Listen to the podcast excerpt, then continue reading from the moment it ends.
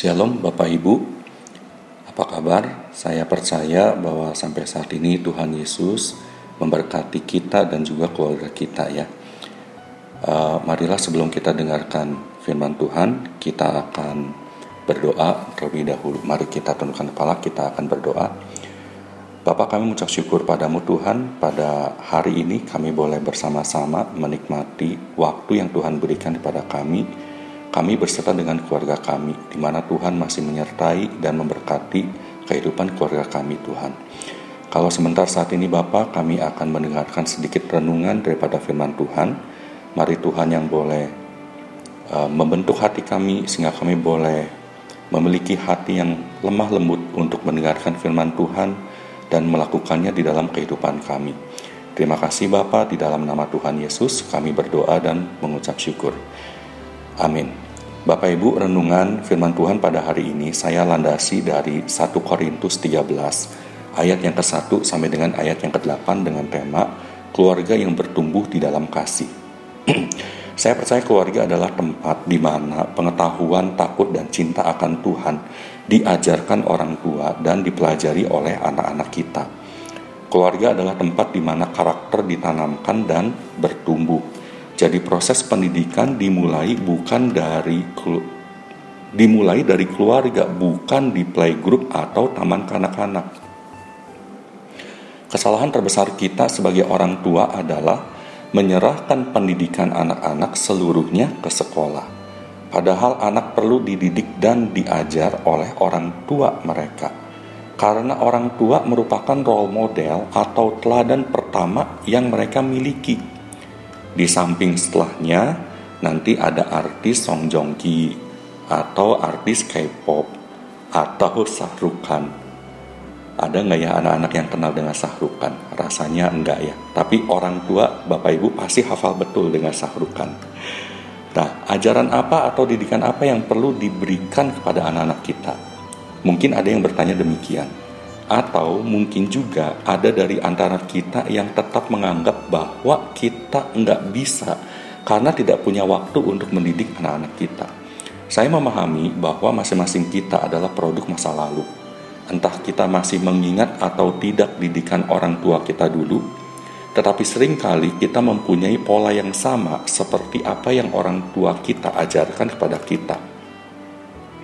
Kalau dulu orang tua suka memaksa kita untuk tidur siang, maka kita akan memaksa anak kita juga untuk tidur siang, uh, tidur siang, atau kita bertindak sebaliknya.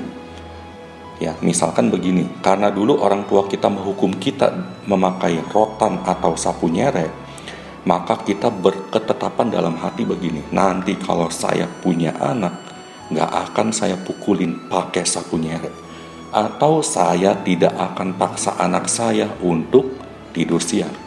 Atau juga bisa aja karena kita sering melihat orang tua kita merespon dengan agresif, dengan emosi terhadap situasi tertentu, maka kita secara sadar tidak sadar melakukan hal yang sama. Karena orang tua kita suka memaki dengan kata-kata kasar, maka kita pun mengikutinya. Sering ya kita dengar orang berkata begini, mirip bapak nanya atau mun, ngang, mun ngambek mirip e, ibu nanya. Nah, karena kita sering melihat orang tua kita memperlakukan sesama seperti apa. Kalau lagi senang perlakuannya baik, kalau lagi gak senang perlakuannya gak baik, menghindari atau pura-pura nggak lihat dan lain sebagainya, tanpa sadar hal-hal seperti yang saya sebutkan di atas akan nurun ke anak-anak kita juga. Jadi yang pertama, mengenai hal yang tadi barusan saya sampaikan, saya akan berikan tanggapan begini. Seharusnya hal seperti itu bisa kita putuskan. Gak perlu jadi lingkaran setan, istilahnya Bapak Ibu ya, lingkaran setan. Kalau dulu orang tua kita belum mengenal Tuhan, atau sudah mengenal Tuhan tetapi berkelakuan tidak sepantasnya, seperti yang saya sebutkan di atas, karena mungkin perlakuan orang tuanya yang saya maksudkan di sini engkong emaknya mungkin. Atau mungkin juga nggak ada yang mengajarkan. Ya jadi eh, yang diajarkan eh, yang mengajarkan siapa? Tetangganya mungkin atau dia melihat orang banyak di di luaran atau di lingkungan rumahnya. Nah, kalau dulu orang tua kita seperti itu, maka kita yang saat ini mendengar renungan ini, saya mau katakan dapat memutuskan lingkaran tersebut atau tanda kutip saya katakan kutukan tersebut. Ya. Dengan cara apa? Dengan cara melandasi setiap perbuatan dan perkataan kita dengan kasih. Firman Tuhan mengatakan pada kita di dalam 1 Korintus 13 ayat yang ke-1 sampai dengan ayat yang ke-8. Saya akan bacakan secara ringkas saja. Nanti Bapak Ibu uh, baca uh, masing-masing ya setelah mendengarkan renungan ini. Di sini kan dikatakan bahwa kasih itu murah hati, tidak cemburu, tidak memegahkan diri, tidak sombong, tidak melakukan yang tidak sopan, lalu tidak menyimpan kesalahan orang lain. Dia menutupi segala sesuatu, percaya segala sesuatu, mengharapkan segala sesuatu dan sabar menanggung segala sesuatu dan seterusnya dan seterusnya ya. Dari pembacaan tentang kasih ini jelas tersurat. Sangat jelas tersurat bahwa di tengah-tengah keluarga harus ada keterbukaan. Itu artinya juga tidak menyimpan kesalahan, tidak mendendam. Sekalipun udah dibereskan, tetap diingat-ingat. Nah, itu namanya mendendam. Itu namanya hatinya penuh dengan apa itu? Uh, culas atau penuh dengan kedengkian. Ya. Dan waktu kita melakukan kesalahan sebagai orang tua, apa yang harus kita lakukan? Mintalah maaf kepada keluarga kita, kepada istri atau suami kita, dan kepada anak-anak kita. Biarlah kasih yang bertindak mulai sekarang, Bapak Ibu Biarlah kasih yang bertindak. Landaskan keluarga kita dengan kasih. Biarlah kasih yang bertindak. Jangan pada saat kita melakukan kesalahan, kita cari-cari kambing hitam. Saya nggak tahu ya domba ada yang hitam atau enggak. Rasanya saya nggak pernah lihat ada domba hitam. Ya yang hitam memang kambing. Dan memang daging kambing itu enak Bapak Ibu. Ya, ya kita selalu mencari-cari apa e, waktu kita melakukan kesalahan kita cari-cari kambing hitam. Atau kita merasa diri benar. Karena kita merasa diri benar jadi istilahnya dalam bahasa Sunda apa cadu untuk minta maaf. Kenapa? Karena kita merasa saya yang benar kok. Bapak Ibu begini ya. Bapak Ibu begini. Sebenar-benarnya kita bukan berarti kita dibenarkan untuk berlaku kasar sebenar-benarnya kita bukan berarti kita dibenarkan untuk bertindak kelewatan. Jadi pada saat kita melakukan kesalahan, segera meminta maaf, jangan keraskan hati kita. Karena kita melandaskan keluarga kita dengan kasih. Itu artinya kita membiarkan Yesus Kristus memerintah dalam keluarga kita. Bukan kita lagi. Bukan para ayah yang jadi kepala keluarga yang berkuasa, bukan, tetapi Tuhan Yesus yang berkuasa dalam keluarga kita. Maka Dia akan memampukan kita untuk melakukan hal-hal yang baik, yang berkenan di hadapan Tuhan. Kalau kita seorang pemarah ya Bapak Ibu, atau apabila tertekan, situasi tertekan, kita suka gelap, ngamuk-ngamuk, ya, uh, apa ya bertindak apa itu. Yang ngamuk-ngamuk eh, tantrum kalau bahasa apa istilah psikologinya ya. Kita suka ngamuk-ngamuk. Apabila kita izinkan Tuhan memerintah dalam keluarga kita pasti akan berubah. Amin. Pasti akan berubah. Ya marahnya mungkin masih ada. Emosinya mungkin masih ada tapi nggak akan sampai ngamuk-ngamuk kalau dulu kita ngamuk-ngamuk sampai mengeluarkan kata-kata kotor, ya mungkin sekarang emosinya ada, kata-kata kotornya bisa di tahan. Kenapa? Karena kita ingat bahwa kita sudah melandaskan hidup kita, keluarga kita dengan kasih Kristus. Nah, Bapak Ibu, anak-anak belajar apa kalau melihat papa mamanya berubah sikap seperti itu? Yang tadinya suka mukulin mungkin, suka memaki mungkin, suka marah-marah mungkin, tapi sekarang setelah mengundang Yesus memerintah keluarga kita, dan kita mau meminta maaf apabila kita sebagai orang tua suka bertindak kelewatan. Anak-anak belajar apa Bapak Ibu?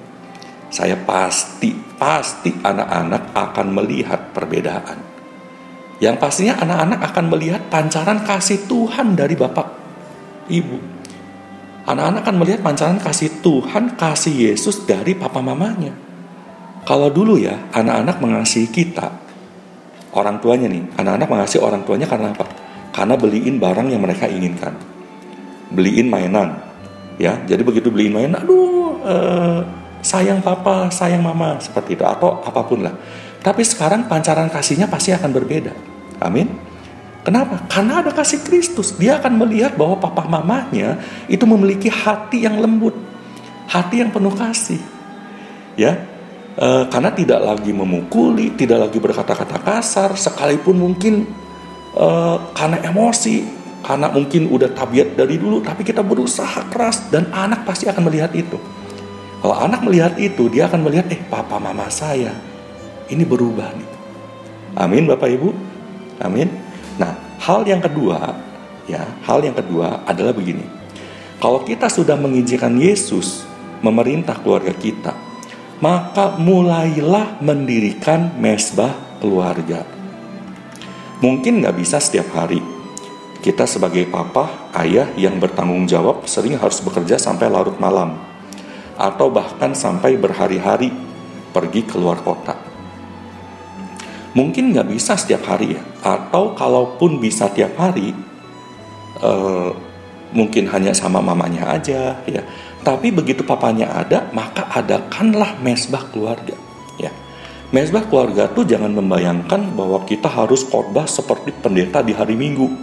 Jadi kita bilang sama anak istri kita atau kita bilang sama anggota keluarga kita, mari saudara-saudara bukan bukan seperti itu. Bukan seperti itu. Dalam mesbah keluarga itu adalah momen untuk kita saling mendoakan.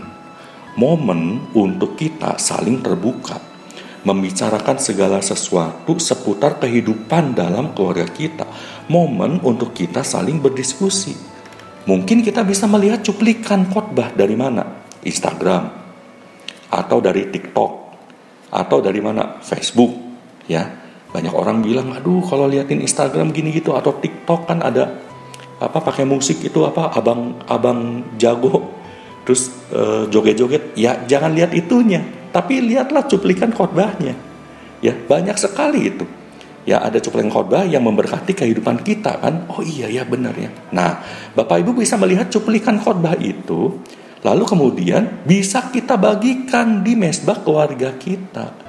Contoh, tadi papa atau mama lihat ada pendeta bilang begini. Papa pikir mungkin sebaiknya dan seterusnya. Ya. Jadi kita bisa berdiskusi atau berbicara dengan keluarga kita. Jadikanlah mesbah keluarga itu sarana untuk berdiskusi, sarana untuk saling berbagi, sarana untuk saling mendoakan, dan mendengar sedikit renungan dari firman Tuhan dengan cara seperti yang tadi saya sebutkan. Bapak Ibu, hanya dua hal ini saja yang ingin saya sampaikan. Coba untuk dilakukan oleh Bapak Ibu sebagai orang tua. Saya juga punya anak Bapak Ibu jadi mari kita sama-sama belajar. Ya, mau anak udah besar atau masih kecil, mari kita mulai biasakan untuk membangun mesbah keluarga. Mari kita landaskan keluarga kita dengan kasih Yesus. Pasti Bapak Ibu, kehidupan kita pribadi dan keluarga yang kita miliki akan berubah dan dipenuhi dengan sukacita dan damai sejahtera dari Roh Kudus. Amin Bapak Ibu. Saya harapkan renungan singkat ini dapat memberkati Bapak Ibu.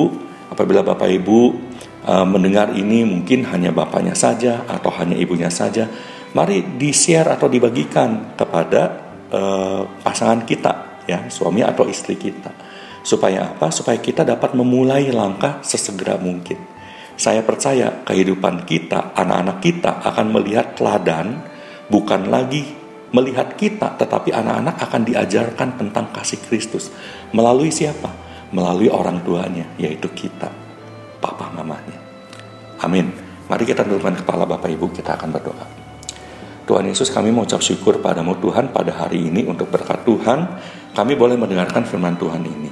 Saat ini Tuhan kami mau untuk kami boleh mulai uh, melandaskan, mengambil keputusan untuk melandaskan keluarga kami dengan kasih Kristus, supaya Engkau saja yang memerintah dalam kehidupan keluarga kami, Tuhan.